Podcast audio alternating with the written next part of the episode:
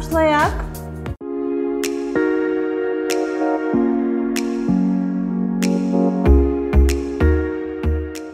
Dəyərli dostlarımız, salam. Hər birinizi Biznes Kart kanalımızda görməyimə çox şadam. Bu günlərim sizinlə yenə mən Aytən Muxtarovayam. Bu günlərim sizi daha yeni bir gözəl xanımla tanış etmək istəyirəm. Salam Badam xanım. Salam, xoş gördük. Özünüz haqqında məlumat verərdiniz, zəhmət olmasa. Mən Süleymanova Badam. Özüm pediatr köməkçisi işləyirəm klinikada. Boş vaxtlarımda, asudə vaxtlarımda da, yəni bütün yorğunluğum çıxsın deyə əl işləri ilə məşğul oluram.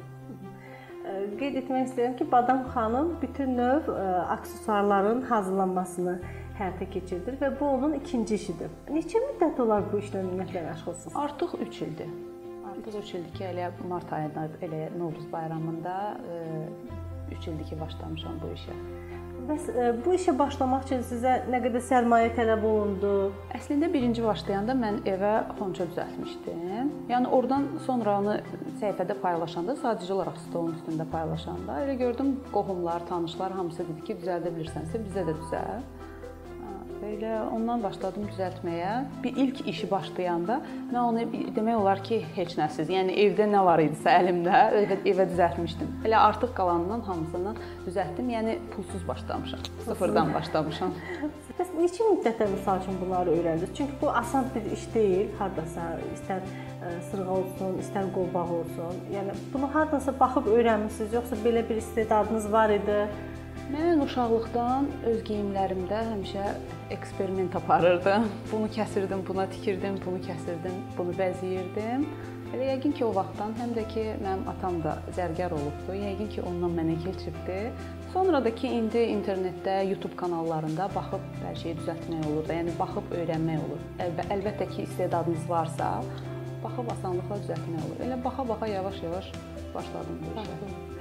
Əziz izləyicilərimiz, qeyd etmək istəyirəm ki, Badam xanım ailəlidir. 2 övladı var. Bəs yoldaşınızın münasibəti necədir sizin ikinci işinizdə?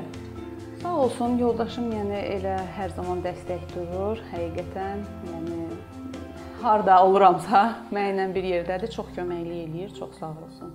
Mane maneçilik də öyrətmiş. Bu özü belə böyük bir dəstəkdir. Böyük, böyük, böyük plusdur. Bəli, və bəs övladınızla ayıracağınız zaman, digər işiniz, bu işiniz sizə necə çətindir, çətin deyil? Əlbəttə ki, bütün qadınlar, bütün işlər, bütün ailə işləri, ev işləri hamısı qadının üstündə olur. Qadın işdəsə də belə, yəni qıraqda işdəsə də belə. Bəli. Ona görə yəni işdən sonra öz uşaqlarımla məşğul oluram. Sonra uşaqlar yatandan sonra bütün evin yorğunluğu, işin yorğunluğunun hamısını bu işlə çıxardıram. Belə də, bu işdə dincəlirsiniz. Dincəlirəm. Bu işdə dincəlirsiniz. Həqiqətən də xırda işlərlə məşğul olmaq, mən də bir ara belə bir buna bənzər işlə məşğul olmuşam. Nə qədər yorğun olursanız, saat axşam 9-da belə evə gəlirdim, gəlsəm belə bu işlərlə məşğul olduqda dincəlirdim. Dincəlirsən. Belə bir müştəriniz olubmu? Çox həvəslə hazırlamısınız, düzəltmisiniz, vermisiniz, məhsul təqdim etmisiniz və o sizdən nəsə narazı qalıb. Bəli, bəli. Problemli müştəriniz. o hər bir işdə var, narazıçılıq hər bir işdə. Nə iş görürsənsə, orada narazı insanlarla rastlaşacaqsan. Bu da insan xarakterindən, yəni asılıdır. Bəli, olub. Çox olubdu. Yəni heç yəni hirslənməmişəm yəni kim deyibdisə, məsələn, bu xoşuma gəlmədi, bunu bu cür istəmirəm, başqa cür eləyərsiniz. Yəni belə ürək açıqlığı ilə təzədən alıb düzəltmişəm. Heç problem də olmayıbdı. Qeyd etdiniz ki, bu işə başlamaq üçün elə bir vəsait də tələb olunmuyor. Evdəki xonçanı öncə bəzəmisiniz. Və bəs daha sonra, daha sonra deyim ki, hər hansı bir bədəy əşyasını hazırlamağa dediniz ki, hə, okey, mən bunu etmək istəyirəm, artıq buna zaman və vəsait ayırmaq sözsüzdür.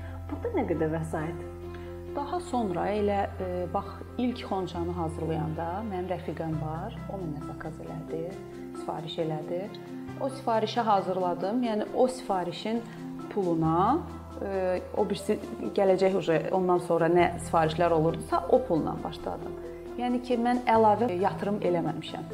Yəni elə hər dəfə hər sifarişdən götürdüyümü o bir sifarişə istifadə eləmişəm istifadə məbləğ olaraq deyə bilərsinizmi bizə? Məbləğ olaraq e, ilk e, hardasa deyim də sizə bir 40 manat, 50 manat civarında olub. 3 il bundan qabaq öncə olduğuna görə yadımdan çıxıbdı. 40-50 civarında olub. Bəs işlətdiyiniz ləvazimatları hamısını tam olaraq Bakıda əldə edə bilirsinizmi hamısını burdan? Tam olaraq yox. İnternetdən hər şeyi zakaz etmək olur. Sifariş eləyirəm, internetdən gəlir. Azərbaycanda da əlbəttə ki, Bakıda da var. Yəni burada da artıq çox yerlərdə var. Çünki çox xanımlar artıq bu işlə məşğul olurlar. Ona görə yəni çox yerlərdə var. Sadəcə olaraq daha keyfiyyətli olsun deyə elə səhifələr var ki, internetdən onu sifariş eləyirəm. Da buna xüsusi özəl müştəriləri olur yoxsa özəl müştərilər deyəndə heç kimi mən ayırmıram. Həmişə istəmişəm ki, verdiyim mənim sifariş verdikləri insanlara elə bir məhsul verim ki, yəni ki, onlar təzədən mənə qayıtsınlar, yəni ikinci sifariş eləsinlər. Ona görə mənim üçün yəni özəl yoxdur. Hamısı mənim üçün özəldir. Bütün bəli, sifariş verənlərin hamısı mənim üçün özəldir. Çox yaxşı.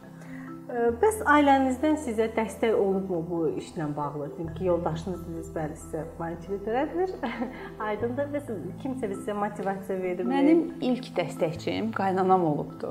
Elə mən bu xonçanı düzəldəndən sonra, paylaşandan sonra dedim ki, hər elə belə SMS-lər gəldi ki, bəs elə bəlkə bizə də düzəldəsən. Qaynanam deyir ki, eləyə bilirsən, niyə də eləməyəsən? Həqiqətən indi ev işlərində də mənə çox köməkli olur, uşaqlara baxmağa da çox köməkli olur. Bəzən elə olur ki, sifariş təcili olur, mən onu təcili çatdırmalıyam. Sağ olsun qaynanam. O bir işlərlə o məşğul olur. Mən həmin sifarişi həmin gün çatdırmağa görə eləyirəm. Yəni ilk dəstəkçim qaynanam olubdu. Hə, əziz izləyicilərimiz, həqiqətən də bu təqdirə layiq bir haldır. Çünki elə bir dövrdə yaşayırıq ki, bəzən qadınların inkişafına, özünü təkmilləşdirməsinə və yaxud da hər hansı bir işlə məşğul olmasına ailə üzvləri də razılıq vermir və qaynanalar əsasən buna danışırlar, danışırlar ki, evin işi çatmadı, hər hansısa bir iş tamamlanmadı. Bəli, ev işləri heç vaxt bitməyəcək. Ev işləri insan var olduğu sürəcdə var, amma bu demək deyil ki, bu həmişə biz bunu tam olaraq çatdırmaq. Bəli, biz bəzən bəzi nüansları tam olaraq onların istədikləri qədər çatdırmaya bilərik. Bu çox təbii haldır. Amma bu çox təqdirə layiqdir və bir də qeyd edirəm ki, sizin önünüzü açıb, sizə belə bir dəstək verib, ondan belə bir dəstək almağınız sizi ilhamlandırıb və bəli, bəli. ikinci işlə məşğul olmağa başlamısınız. Bəs bu işi başqa hansı yerlərə aparmaq istəyirsiniz? Deyim ki, siz artıq bütün növrojuteriya işlərini hazırlayırsınız. Bundan sonra nə etmək istəyirsiniz? Nəsə bir iş varmı ki, siz onu məhz etmək istəyirsiniz? Bəli, planlarım var. İnşallah ki, əlbəttə butik açmaq istəyərdim. Həmin butikdə yəni ki, özəl işlərim olsun və öz brendimi yaratmaq istəyirəm. Özünüzdə. Bayaq qeyd etdiniz ki, atanız zərgər olub. Bəs bunu qızıl əşyalar üzərinə fərqli formada etməyi düşünürsüz? İnşallah ki, gələcəkdə bəli, düşünürəm. Aydındır. Sifarişlərinizin ardıcıllığını bilmək istəyərdik ki, bu necə, bu prosedur necə gedir, necə qəbul edirsiniz? Əlbəttə ki, 3 il bundan öncə pandemiya yox idi həyatımızda. Bəli. 3 il bundan öncə ə, e, həqiqətən də mən Novruz bayramı ərəfəsində mən çatdırmırdım sifarişləri. Mən gecə də işləyirdim hətta 3 olurdu, 4 olurdu mən o sifarişləri çatdırım deyə. Hə, ola bilər ki, elə işləyirdim. Sonra bu pandemiya həyatımıza girəndən sonra yəni biraz həqiqətən azaldı. Bütün işlərdə olduğu kimi azaldı, xeyli azaldı. Şükür Allaha, maşallah, hə, indi yaxşıdır. Yəni olur, olur ki, məsələn, mən indi hal-hazırda bu günləri gedib sifarişlər hazırlamalıyam. Sabaha bir 10 nəfərin sifarişi var, onu çatdırmalıyam. Bunu 10 nəfərin sifarişini neçə saat ərzində ərsəyə gətirəcəksiniz? Hardasa mənə 5-6 saat bəs olur. Bəs olur. Hə, yəni sifarişin əlbəttə ki, baxır növünə baxır da, yəni ola bilər toxunma işdisə, mən onu heç bir günü ancaq ona istifadə edirəm ki, bir günüm ona gedir. Toxunma işdir. Əgər həqiqətən təcilidirsə, təcil deyirsə 2 günə, 3 gün onu çatdırıram. Elə işlər var ki, xırda işlərdir Xonçalar indi bayram bitir. Ona görə hamısı bayrama görə səmənlidir. Xonça da onları istəyir deyə mən onları məcburam. Elə olur ki, mən günə 6 səməni düzəldirəm. Mən onu biraz öz e, istədiyim kimi, istədiyim formada düzəldirəm. Qozla düzəldirəm, fındıqla düzəldirəm. İnanın ki, o qədər belə görsənəndə asan görsənir, amma baxanda onu bir-bir ölçü-ölçü, fındıqların, qozların ölçülərinə görə onları bir-bir mən onu düzəldirəm. O məndə çox vaxt heç bir iş asan deyil, Badam xanım, sözsüz ki. Bu işində çətinliklər var. Məs belə bir anınız oldumu ki, bu iş çətindir, etmirəm, yorulduğunuz, pes etdiyiniz? Yox, olmayıbdı. Heç olmayıbdı. Yenə də dediyim kimi, mən hər bir işimi sevərək görürəm. Çünki insan işini sevməsə, onu eləsə, o iş o insanda alınmayacaq. Ona görə mən birinci işimi də sevərək eləyirəm, ikinci işimi də sevərək. Yəni dediyim kimi bu işdən əksinə dincəlirəm. O birisi işdə yorulsam da bu işdə dincəlir. Dincəlirsiniz. Badam xanım, sizin üçün xoşbəxtlik nədir? İlk öncə xoşbəxtlik ailə, uşaqlarım, yoldaşım, əzizlərim, hamısının canı sağ olmağıdır. Yəni həqiqətən indi e, bu dövrdə bu xəstəlik dövründə ancaq hamıya sağlamlıq arzulaya bilərəm. Ən böyük arzu kimisə təbrik eləyəndə, kimisə ad günündə təbrik eləyəndə ən birinci arzu hal-hazırda, yəni ki, canının sağlam olmağıdır. Bəli. Ən böyük xoşbəxtlik ailəmdə görürəm. İkinci xoşbəxtliyim də əlbəttə ki, hə, Allahın yəni mənə belə istedad verməyi böyük xoşbəxtlikdir əlbəttə ki. Böyük xoşbəxtlik.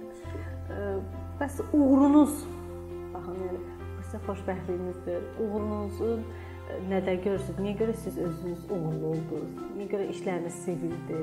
Bunu nədə görürsüz? Uğurum ə, ən birinci uğurum ailəmdə, yenə bayaq dediyim kimi, ailəmdə xoşbəxtçilik var deyə insan gərək birinci ilk növbədə ailəsində xoşbəxtçilik olsun deyə işləri də normal getsin sizə dəstək verən olsun ailənin içində, əzizləriniz sizə dəstək versin ki, işiniz uğurlu getsin. Yəqin ki, elə ondan irəli də işim uğurlu getdi. Həm də yenə də deyirəm, sevərək eləyirəm bunu ona görə. Yəni ona görə də yəqin ki, uğur qazanmışam, sevilmişəm. Mütləq şəkildə. Və bu işlə məşğul olmaq istəyən e, xanımlar və ya bəylər də ola bilər. Onlara nə tövsiyə edə bilərsiniz? Hər zaman dediyim kimi, yəni çox yerdə bu sözü işlətmişəm. Ola bilər ki, təkrar çıxsın. Hər yerdə dediyim kimi, hər zaman dediyim kimi, ilk növbədə bu işə başlayarkən maddi gəliri düşünməsinlər. İlk növbədə zövq alaraq görsünlər işlərini və sifarişçiyə o sifarişçinin sevinci, sifarişçinin e, çox sağ olu, təşəkkürü elə ən birinci uğur odur. Yəni ki, əgər birinci maddini fikirləşsəm ki, mən bunu satsam nə qədər qazanaram, onda o iş onda gələcəkdə alınmayacaq. Maddiyyata bağlanmamalıdır. Maddiyyata maddiyyata bağlanmamalıdır. Bəli, ilk növbədə işinin gözəl olmağı sevilməsidir. İlk növbədə qoy onu sifarişçi sevsin, sonra gələcəkdə vallah billah maddi gəlir gələcək. Gələcək. Okay. Təşəkkür edirəm sizə Badam xanım. Həqiqətən bizə zaman ayırdığınıza görə, gəldiyinizə görə və ən əsası da gənc bizneskarlara, sizin kimi nümunəli və əsasən də ailəli xanımlara. İndi bir çoxlarımızın bundan öncəki videolarımda da mən bildirmişdim əslində. Yaralı yerimizdir onlayn iş, onlayn iş e, və açırıq Instagram səhifələrini, baxırıq ki, hər hansısa bir kosmetika məhsulunu satırlar. Mən bunu pisləmirəm, məni heç kəs yanlış anlamasın. Amma ki, e, əziz xanımlar, burdan üzümü tutub sizə deyirəm. əziz xanımlar, siz 3 e, ay, 6 ay, 8 ay, 1 il və yaxud da il yarım öz üzərinizdə işləsəz, sizin faiziniz, bonusunuz və sair və axırlarınız daha çox artacaq ki, çünki siz kosmetika satmayanda onlar sizdə aşağı düşəcək və siz öz olduğunuz ə, mərtəbələri, pillələri itirəcəksiniz. Ona görə çalışın ki, məhz öz üzərinizdə işləyəsiniz ki, daha sonra da vaxtınızı kiməsə görə işlədik, sərf etdik deyə heyfslənməyəsiniz. Mən də çox təşəkkürümü bildirirəm ki, mənə vaxt ayırdınız, məni dəvət elədiniz. Sizin işlərinizdə də uğurlar arzulayıram. Çox sağ olun ki, həqiqətən də yəni bizim kimi xanımlar üçün, elə bəylər üçün Gəl. şans yaradırsınız ki, gəlsinlər öz istəklərini və yaxud kiməsə məsləhətlərini və yaxud da ki, öz işlərini biraz da genişləndirmək üçün gəlib burada iştirak edirlər və çox-çox təşəkkür edirəm. Mən təşəkkür edirəm. Belə əziz dostlarımız, bugünkü videomuzdan bu qədər. Bizi izləməyi unutmayın. Kanalımıza abunə deyilsinizsə mütləq şəkildə abunə olun, öz fikirlərinizi kommentlərinizdə bildirin.